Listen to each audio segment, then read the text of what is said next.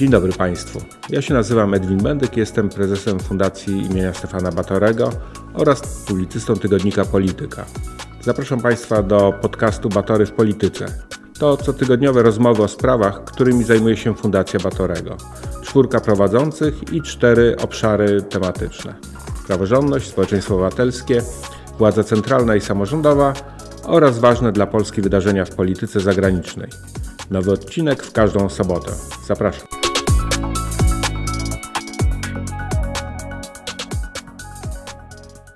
Dzień dobry, nazywam się Paweł Marczewski. Jestem szefem działu Obywatele w Forum Idei, think tanku Fundacji Batorego i będę miał przyjemność poprowadzić dzisiejszą rozmowę. Moją gościnią jest dzisiaj pani dr Karolina Podgórska, socjolożka z e, Instytutu Socjologii UMCS w Lublinie, współpracowniczka Ośrodka Badań nad Migracjami UW. Pani Karolina Podgórska jest też współautorką badań i raportu e, Polska Szkoła Pomagania i ten raport będzie dzisiaj naszym punktem wyjścia do rozmowy.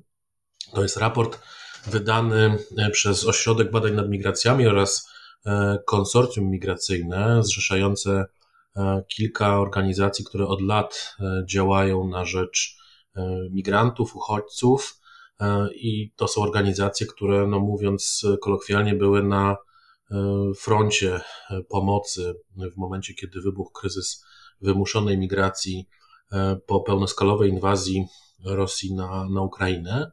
Ten raport podsumowuje rok doświadczeń organizacji społecznych pomagających e, w tym kryzysie doświadczeń zarówno z samorządem, administracją centralną, biznesem e, oraz dużymi organizacjami międzynarodowymi, które pojawiły się w Polsce i e, pomagały w tym kryzysie. Na początek naszej rozmowy chciałbym zapytać zupełnie ogólnie, czy po przygotowywaniu, po przygotowaniu tych, tych badań i opublikowaniu tego raportu no daje się obronić e, ta e, teza, e, czy to sformułowanie, że Polska okazała się humanitarnym supermocarstwem. Dzień dobry. Czy taka teza daje się obronić? Nie wiem, czy ona jest zasadna w takich sytuacjach, kiedy jakby ta pomoc humanitarna pojawia się z nienacka, to znaczy konieczność świadczenia takiej pomocy pojawia się z nienacka, bo żeby być jakimś supermocarstwem, to trzeba mieć do tego E, know-how, zasoby, e, przeszkolenie i tak dalej. Oczywiście nie zdarzyły się podobne rzeczy tutaj, ponieważ wszystko to, co wydarzyło się w Polsce, było raczej e, takim właśnie reagowaniem ad hoc. Ja myślę, że ten raport pokazuje, że i to, co bardzo wielu respondentów w różnych miastach, w których rozmawialiśmy i różni badacze badania prowadzili, najczęstszym chyba sformułowaniem, które się pojawiało, to było to, że daliśmy radę ale to nie jest e, sformułowanie, które się odnosi do konkretnej instytucji, do konkretnego podmiotu czy też typu podmiotu. E, najczęściej ono się pojawiało w kontekście e, ogólnego ruchu i różnych inicjatyw, oczywiście oddolnych oraz tych właśnie pozarządowych, ale również wiele było takich podkreślania tego, że po prostu jakoś wszyscy daliśmy radę. Więc w tym sensie, e, jeśli byśmy mieli mówić o tym, że jesteśmy humanitarnym supermocarstwem, to może jednak jest za mocne określenie, ale, e, ale daliśmy radę i tak myślę, że to się broni. A, a, proszę powiedzieć, bo oczywiście mnóstwo dyskutowaliśmy o tym, o tej wielkiej mobilizacji. E, były też ogólne sondaże pokazujące, jak wiele osób zaangażowało się na różne sposoby w tę pomoc. Mm, ale co przyczyniło się do tego, że właśnie daliśmy radę? Bo ja sam pamiętam e, dyskusje, które myśmy organizowali w Fundacji Batorego albo w których brałem udział gdzieś na zewnątrz, e, pokazujące no też kłopot ogromny, który mieliśmy z zaufaniem społecznym e, w czasie pandemii. Tymczasem tu wybucha kryzys rzeczywiście na bezprecedensową, jeśli chodzi o Polskę, skalę. Mm, kryzys wymuszonej migracji też o wiele większy, jeśli chodzi o liczbę ludzi przekraczających codziennie granice niż poprzedni kryzys e, wymuszonej migracji sprzed kilku lat, ale jednak daliśmy radę. Co się stało? Co było jakby takim, taką przyczyną czy źródłem te, tego, że jednak nam się udało? Bo wszyscy jednak spodziewaliśmy się, że w sytuacji tak obniżonego zaufania tego rodzaju współpraca i tego rodzaju mobilizacja będzie bardzo trudna, jeśli nie niemożliwa. No rzeczywiście jest tak, że ta współpraca oparła się na zaufaniu społecznym i to również na poziomie takich e, budowania takich bardzo i używania e, czy użycia takich e, trwałych więzi społecznych, które gdzieś tam w międzyczasie powstawały. I też oparła się na zaufaniu, co by nie mówić, jak, jak bardzo się, jak można być jakby niezadowolonym z udziału różnych instytucji takim czy takim w tych działaniach, to również w wielu przypadkach, w wielu miejscach poprzednio jakoś tam nawiązywana współpraca, współpraca pomiędzy różnymi podmiotami na różnych szczeblach e, zarządzania e, no, przyniosła efekty.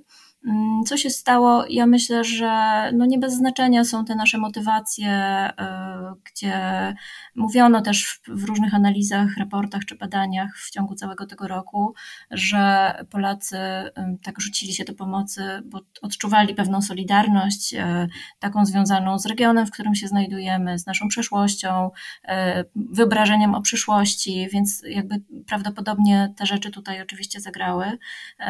Ja oczywiście bardzo mocno też wierzę w to, że taka zwykła ludzka solidarność e, i to, że te osoby się tutaj faktycznie realnie pojawiły, bo e, proszę zwrócić uwagę, że w 2015 roku, czy w kryzysie tym 2015 i w działaniach dalszych, jakie były podejmowane w reakcji na niego w Europie, to my właściwie mówiliśmy o potencjalności jakiejś, to znaczy my tych osób tutaj faktycznie nie mieliśmy, nie, nie, nie, nie zjawiły się, to nie były, e, to nie były żadne liczby, które by nas jakoś tak uderzały i przemawiały do naszej świadomości. E, nie byli to ludzie, z którymi się zetknęliśmy bezpośrednio również, który, którzy zaczęli, zafunkcjonowali w takim codziennym życiu, które się toczy również koło nas. Więc e, to jest też taka kwestia takiego oczywiście wyobrażonego obcego, który e, potencjalnie mógłby tutaj spowodować jakąś destabilizację. Tutaj po prostu mieliśmy do czynienia z sytuacją, która się wydarzyła i trzeba było zadziałać, bo no jakby też nie, chyba nie, nie, nie, wyobrażamy sobie e, takiej sytuacji, że my nic byśmy nie zrobili w momencie, kiedy liczby mówiły za siebie, kiedy po prostu przestrzeń e, miejska na przykład, e, my badaliśmy w raporcie miasta, ale no przecież te osoby trafiały również w tereny podmiejskie, w różne inne miejsca w Polsce, ta przestrzeń realnie wypełniała się tymi ludźmi i ta reakcja musiała jakaś być, więc raczej tym pierwszym odruchem była była pomoc, ale to zasadnicza różnica z, tą, z, z tym, co się wydarzyło w 2015-2016 roku, kiedy właściwie to była tylko debata, e, jeśli chodzi o Polskę. To była debata, to było rozważanie, jakie podejście przyjąć e, i jakieś odgrywały tutaj rolę też czynniki polityczne. Tu no, mieliśmy realnie tych ludzi oraz jest to nasz sąsiad, więc oczywiście także takie kwestie właśnie związane z tym położeniem regionalnym, polityką bezpieczeństwa, polityką międzynarodową odegrały rolę.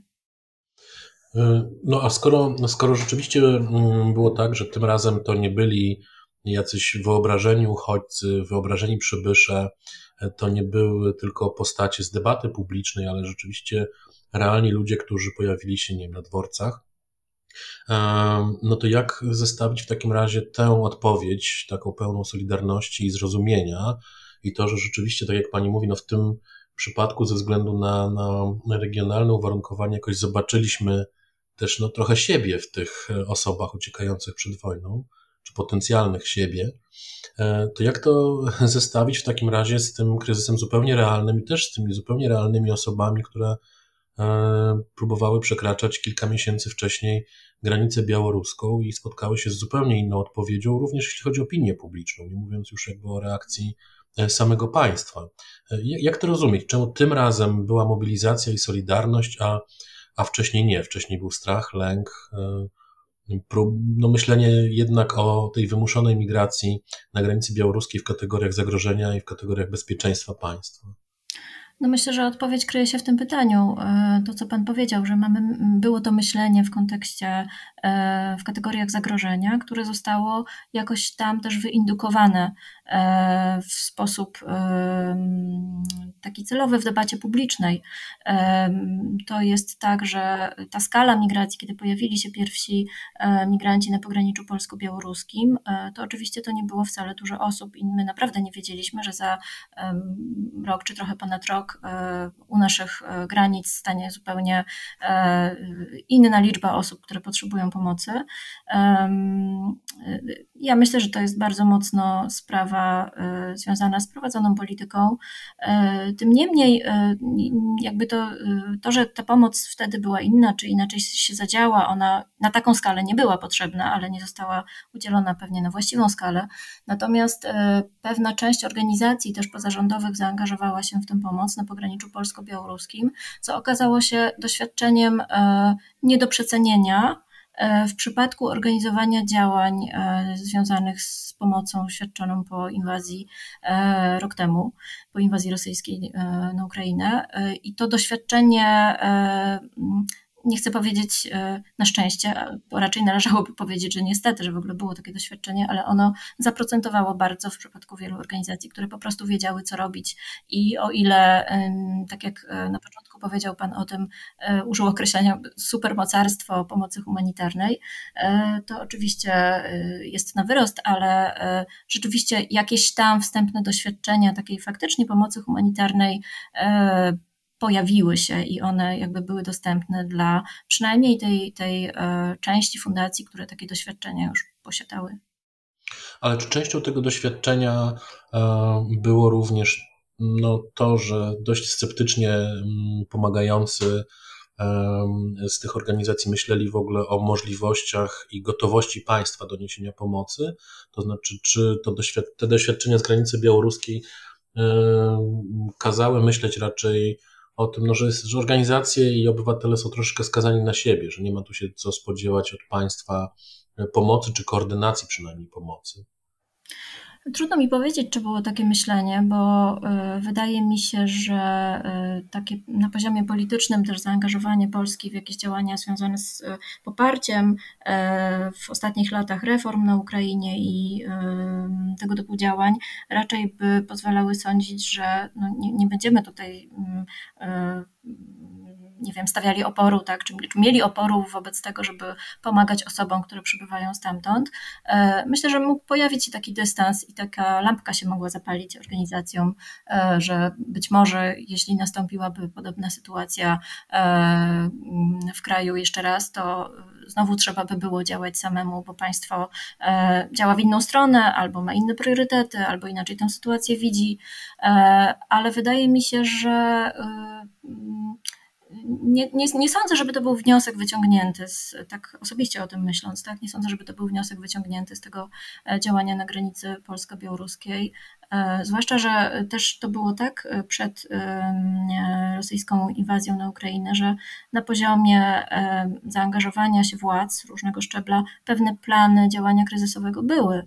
I często w te plany, czy pierwszej takiej reakcji, również w te plany były włączone organizacje pozarządowe. To znaczy odbyły się jakieś tam spotkania, czy na poziomie wojewodów, czy w miastach e, niektórych, e, gdzie rozmawiano o tym, co będzie i co się będzie działo. Oczywiście skala zaskoczyła wszystkich, nie dało się tego przewidzieć, nie dało się tego pewnie e, dokładnie zaplanować, ale to, to, też nie jest tak, że to taka sytuacja, która spadła na wszystkich i sądzono, że będzie jeszcze gorzej niż było na pograniczu polsko-białoruskim.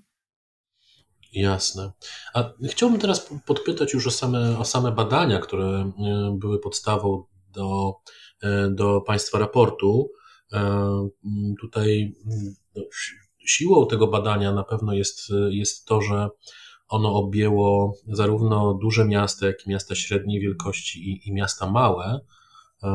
I jestem ciekaw, Pani wrażeń z samych badań i, i, i wniosków y, dotyczących właśnie tego, jak sama wielkość miasta y, wpływała na tą działalność pomocową. To znaczy, czy rzeczywiście, nie wiem, lepiej, szybciej, łatwiej było pomagać w wielkim mieście niż w mieście średniej wielkości, czy mieście małym? Na czym polegała ta, ta wielkość, jeśli chodzi o, o specyfikę pomagania? Czym się różniły od, od siebie te, te poszczególne miejsca, gdzie, gdzie pomocy udzielano? Kluczowym tematem w tym pomaganiu była koordynacja i to, kto jest zaangażowany i jak e, działa.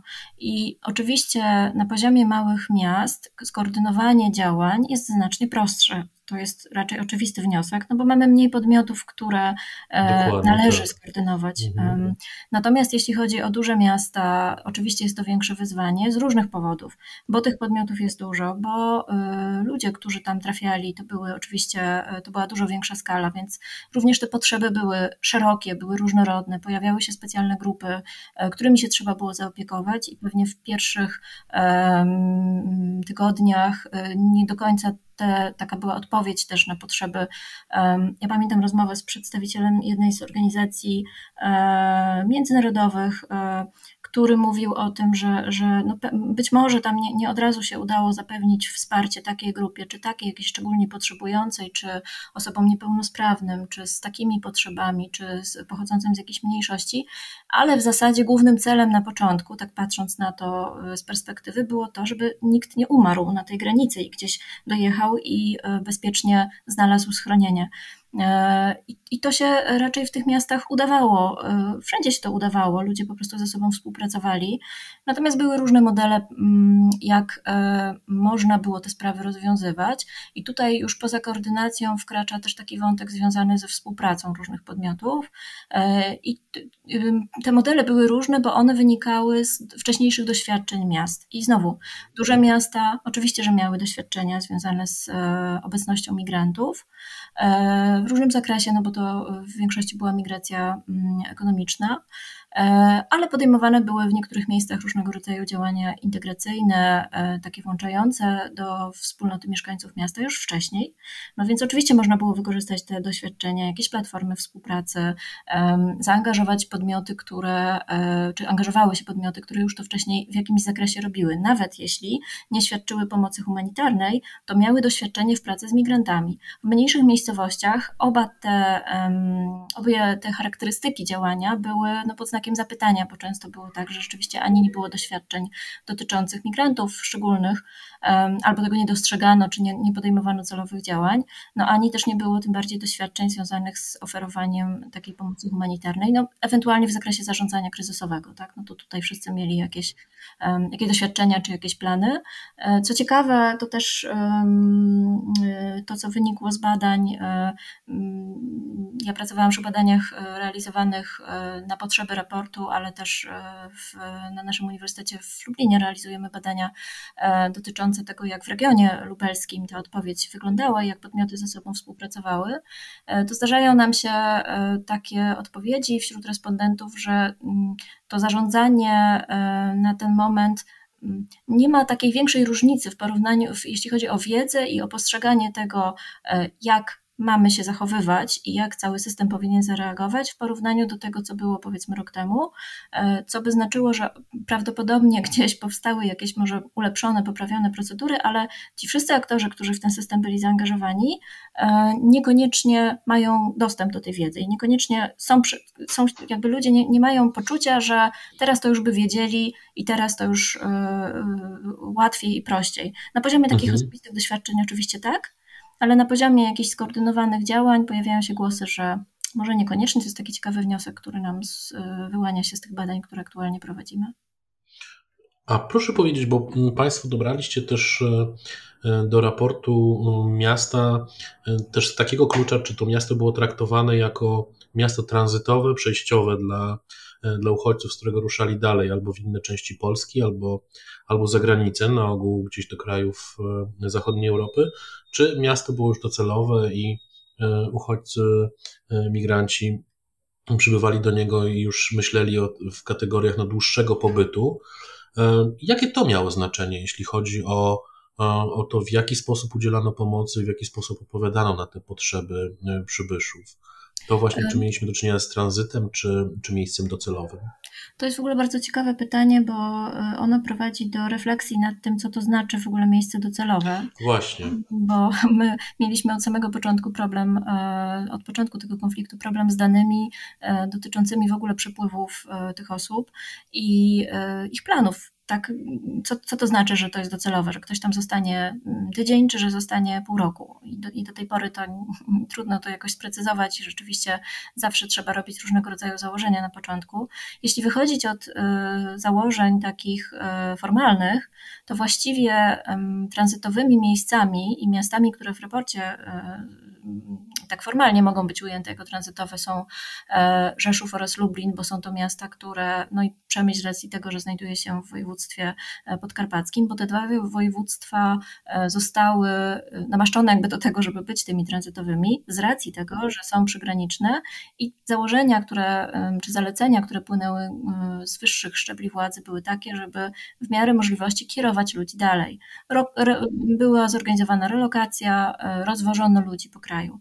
Oczywiście takie założenia były sensowne na poziomie e, sytuacji, w której my zarządzamy faktycznie i wiemy, co się dzieje, i kontrolujemy ilość osób, która się tutaj zjawia jak e, okazało się, że e, mamy ogromną skalę przepływów i e, ludzie nie tylko korzystają ze środków zorganizowanych przez władze do tego, żeby ich gdzieś rozwozić, przywozić, przekraczać granice, tylko dzieje się to w sposób absolutnie nieskoordynowany, nieformalny i taki przekraczający wszystkie skale, no to te założenia też okazały się e, trudne do zrealizowania.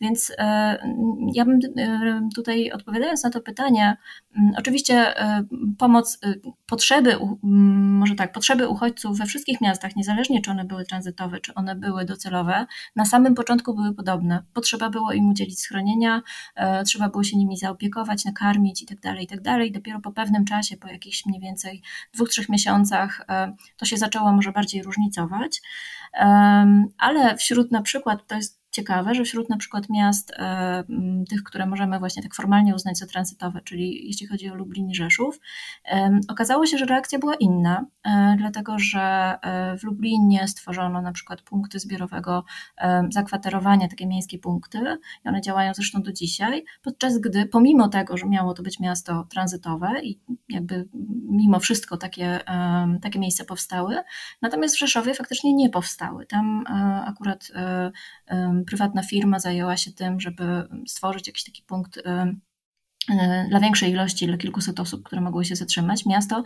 takich punktów nie prowadziło, więc jakby bardzo wiele czynników odgrywało rolę. Y, myślę, że też y, kwestie y, polityczne, umiejscowienia tego, jakie było przeznaczenie jeszcze gdzieś tam dalsze tego miasta, bo przecież te regiony też odgrywały istotną, te dwa regiony akurat odgrywały bardzo istotną rolę w świadczeniu pomocy na Ukrainę, czyli w tranzycie pomocy faktycznie takiej rzeczowej czy wręcz militarnej, więc jakby to, te, te wszystkie czynniki, myślę, że jak my dzisiaj patrząc na to, jak, ta, jak czytając raport i, i patrząc patrząc na te y, meandry tej pomocy, można powiedzieć, że to był bardzo skomplikowany krajobraz, y, w którym w każdym miejscu odgrywały rolę y, naprawdę różnorodne czynniki, bo tak zawsze jest, jeśli chodzi o działania pomocowe, że ten kontekst lokalny jest niezwykle istotny i to też jest wniosek który płynie e, dla nas po analizach na przykład zachowań czy propozycji, które się pojawiały ze strony jakichś e, różnorodnych nie wiem, organizacji międzynarodowych, bo zdarzały się historie takie, że e, przyjeżdżała tutaj organizacja i proponowała, że na przykład będzie rozstawiała namioty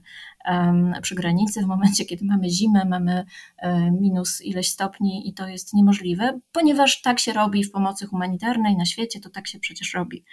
No i właśnie, to jest kwestia uwzględnienia tego lokalnego kontekstu i e, bardzo szybkiego dopasowania i takiego poradzenia sobie, żeby to się nie zawaliło, to e, fachowo nazywa się rezyliencją społeczną, czyli taką sprężystością, e, zdolnością do reagowania systemowego takiego, czy całego systemu, jak, jakkolwiek go zdefiniujemy, żeby on przetrwał. E, czy w odrobinę zmienionej formie, czy żeby powrócił do równowagi, bo tutaj te ścieżki mogą być różne, ale żeby to e, się utrzymało. I my faktycznie, wracając do tego pierwszego pytania, to ta rezyliencja zadziałała, tak? To mamy do czynienia z wysoką rezyliencją faktycznie społeczną. Czyli, y, jeśli dobrze zrozumiałem, to ta rezyliencja, odporność czy, czy zwinność społeczna była e, tym lepsza i tym skuteczniej działano, im E, bardziej uwzględniony był ten kontekst lokalny, zarówno jeśli chodzi o zasoby, wymogi, jak i przeszkody. E, natomiast tutaj wspomniała Pani o tych dużych międzynarodowych organizacjach, które bardzo często jak wynika z raportu, no, wkraczały bez uwzględniania tego lokalnego kontekstu, stosując swoje procedury wypracowywane często no, w zupełnie innych warunkach, w zupełnie innych kryzysach. I przyznam szczerze, że ten wniosek płynący z raportu, że współpraca z tymi dużymi organizacjami międzynarodowymi była trudna, no, był, był szczególnie interesujący i zarazem no, tutaj jakaś lampka alarmowa od razu się zapala. Chciałbym jeszcze właśnie o tą o współpracę z organizacjami dużymi, międzynarodowymi e, podpytać. Jak ona była istotna e, i no, jak właściwie te relacje powinny wyglądać e, w przyszłości, to znaczy kiedy wchodzimy no, w inną fazę tego kryzysu, już nie taką, która wymaga no, działań już teraz stricte pomocowych, ale takich działań, które no, są dużo bardziej długofalowe. Jak, jak Pani widzi tę rolę organizacji międzynarodowych i jak wyglądają doświadczenia lokalne z nimi? Ja myślę, że w tej chwili podstawową rolą organizacji międzynarodowych, które się tutaj pojawiły i działają, jest to, że e, wspierają działania od strony finansowej bo to jest ogromna luka i nie bardzo jest tutaj jakiś podmiot, który mógłby to wypełnić. E, to wspieranie finansowe jest wszystkim bardzo potrzebne, no i ono się odbywa e, pod pewnymi warunkami. Przepraszam. Ja myślę, że mogą się zdarzyć takie sytuacje, czy zdarzyły się takie sytuacje, kiedy pomimo to jest tak, przychodzi ktoś, kto przychodzi donor z tymi swoimi finansami, ma pewne wymagania.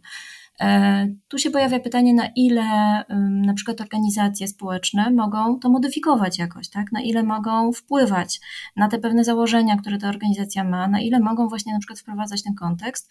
I w przypadku e, Polski akurat zadziałała się taka e, sytuacja, że część organizacji pozarządowych przygotowała taki list specjalny do tych zagranicznych właśnie donorów, prosząc ich w punktach, czy wskazując im właściwie w punktach, w jaki sposób dobrze byłoby, bardzo uprzejmie to było zrobione, w jaki sposób dobrze byłoby, żeby te organizacje zafunkcjonowały, uwzględniając ten lokalny kontekst i, i jakby dając taki impuls do refleksji nad tym, że być może, może ten konflikt jest troszeczkę, znaczy to reagowanie tutaj jest troszeczkę inne niż rzeczywiście w innych rejonach świata, gdzie y, oczywiście doświadczenie takich organizacji jest ogromne, wypracowane standardy i procedury też są bardzo ważne, ale trzeba się odnieść jeszcze może do innych czynników, więc to taka dobra praktyka, bym powiedziała, była, y, no też pewna odwaga, y, no bo zawsze pojawia się ryzyko, że taka organizacja może powiedzieć, no nie, no to my albo działamy na swoich zasadach, albo wcale, ale są miejsca, gdzie to się udało, że e, te organizacje uwzględniły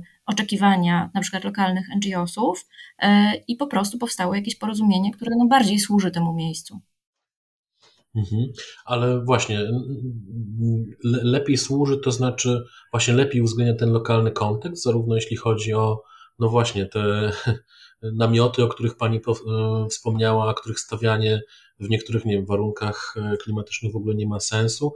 Mm, dopytuję, bo, bo ciekawi mnie rzeczywiście, jaki jest klucz do tej dobrej współpracy, to znaczy co, e, co konkretnie takie organizacje powinny uwzględniać, żeby rzeczywiście tutaj spełniać swoją rolę i no, faktycznie pomagać, a nie tylko wchodzić z dużymi pieniędzmi i czasami wywołując jakby efekty negatywne, z którymi w ogóle się wcześniej nie liczono.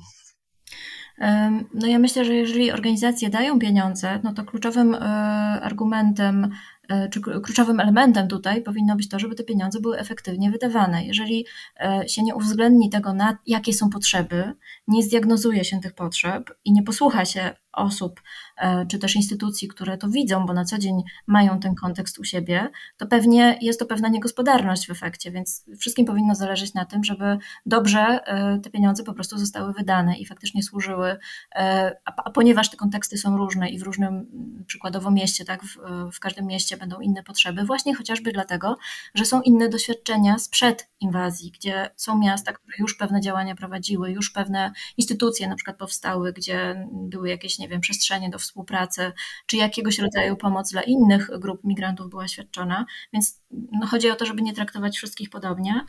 E, ja myślę, że, mm, że te organizacje są potrzebne i no właśnie przede wszystkim z tych względów finansowych można się też od nich dużo nauczyć na pewno, jeśli chodzi o standardy pomocy. Natomiast należy, jakbym miała powiedzieć jakąś rekomendację osobiście, to warto byłoby, żeby organizacje po prostu słuchały, e, te organizacje międzynarodowe słuchały organizacji lokalnych i też na przykład wchodziły w takie dobre, uczciwe relacje z samorządami, które po prostu mają wiedzę na temat, e, są gospodarzami tutaj i mają wiedzę na temat swojego podwórka e, i potrafią, e, dobrze by było, żeby te plany były konsultowane, kompatybilne, uzgadniane, przewidywalne w dłuższym okresie czasu, bo chyba tą największą bolączką jest ten krótkotrwały taki horyzont tej pomocy, która często się z perspektywy tych organizacji międzynarodowych pojawia.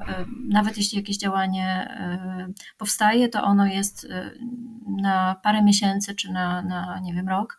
No i pojawia się pytanie, co potem, tak? E, czy te działania się uda utrzymać i kto miał ma za nie zapłacić, jak to zrobić? Więc tutaj też ogromny wysiłek różnych organizacji, które próbują e, na tym etapie, na jakim teraz jesteśmy, wpisać te działania na przykład trwale w polityki, te działania, które są wspólnie z organizacjami międzynarodowymi realizowane, wpisać na trwale w polityki miejskie, na przykład politykę integracyjną na poziomie lokalnym. Właśnie no, o to, co dalej chciałem, chciałem zapytać w następnej kolejności, bo no, cały czas teraz zaczyna być e, podnoszony ten temat, e, no, a co, kiedy te organizacje wyjdą z Polski, bo w którymś momencie e, wyjdą, ten kryzys wejdzie w no, inną fazę i, i te pieniądze prawdopodobnie odpłyną gdzieś indziej. I pytanie właśnie, no, czy to jest tak, że poprzez wpisanie tych działań w polityki miejskie, to będzie tak, że samorządy będą zmuszone do przejęcia tych zadań i tego finansowania.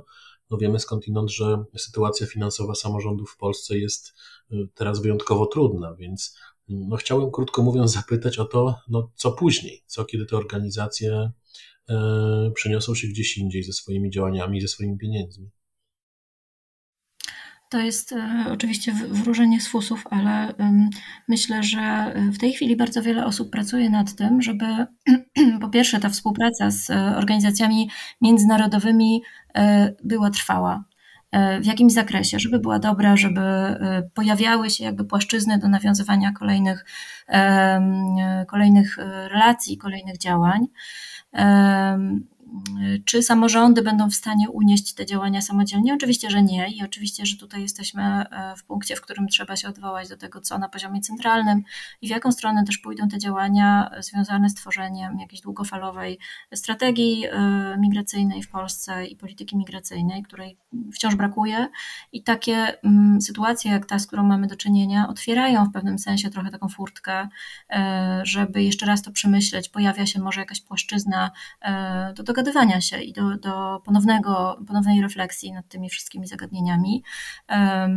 To są oczywiście kwestie bardzo trudne. Trzeba jakoś rozstrzygnąć e, właśnie na poziomie strategicznym, podjąć jakąś decyzję, jak ta polityka miałaby wyglądać, e, czy powinna być właśnie taka, czy, czy może pozostać taka nazwałabym ją schizofreniczną, tak? czyli z jednej strony jesteśmy za przyjęciem migrantów ekonomicznych, ale jeśli chodzi o e, ochronę uchodźców, no to no teoretycznie tak, wywiązujemy się z, dokument, z e, umów, które mamy podpisane międzynarodowych, ale sytuacja na pograniczu polsko-białoruskim już tutaj nastręcza dużo wątpliwości, więc to, to wszystko, co będzie dalej, zależy znowu, tak jak ta pomoc zależała od bardzo wielu czynników w poszczególnych miastach na przykład, to to, co będzie dalej, dalej, e, tu też nie da się jednego jakiegoś argumentu przedstawić, czy jednego czynnika, e, bo wszystkie te poziomy, czasem się mówi o tak zwanym wielopoziomowym zarządzaniu w różnych politykach i w, i w tych działaniach dotyczących migracji także, wszystkie te poziomy muszą ze sobą jakoś się dogadywać. E, nie tylko na poziomie finansowym, ale przede wszystkim na poziomie planowania, dysponowania swoimi zasobami. Ja myślę, że takim plusem e, i mam nadzieję, że to się utrzyma e, całej tej sytuacji nieprzyjemnej, która się e, zdarzyła nam, a przede wszystkim osobom uciekającym z Ukrainy, jest to, że nawiązały się różne platformy współpracy, także pomiędzy tymi poziomami. To jest bardzo cenne. To nie, na pewno nie wszędzie one będą trwałe i na pewno napotkają różnorodne problemy z czasem, ale samo to, że na przykład co było bolączką dużą przed kryzysem w dużych miastach, gdzie próbowano tworzyć jakieś działania integracyjne. Często, to jeszcze dotyczy badań, które wcześniej też prowadziliśmy, często pojawiały się w miastach takie sygnały, że różne organizacje na przykład nie wiedzą o sobie, że w ogóle funkcjonują, że, że robi coś ktoś już i może tego nie warto powielać. Nie było jakiegoś przepływu informacji. W tej chwili coraz częściej się mówi właśnie też na poziomie szczególnie lokalnym o tym, że to jest bardzo ważne, żeby się nawet może nie koordynować, ale informować, żeby była jakaś transparentność. E, myślę, że to jest związane z tym, że ten temat po prostu stał się ważny i będzie ważny, no bo już jesteśmy w takiej sytuacji też migracyjnej jako kraj, że e, skręciliśmy w stronę bycia krajem imigracyjnym, więc e, tych tematów nie unikniemy. Chciałbym bardzo podziękować Pani za rozmowę. Moją rozmówczynią była Pani dr Karolina Podgórska. Serdecznie dziękuję i mam nadzieję, że te doświadczenia podsumowane e, w raporcie Polska Szkoła Pomagania no faktycznie przyniosą nam długofalowe, systemowe rozwiązania. Ja również mam taką nadzieję i również dziękuję za rozmowę.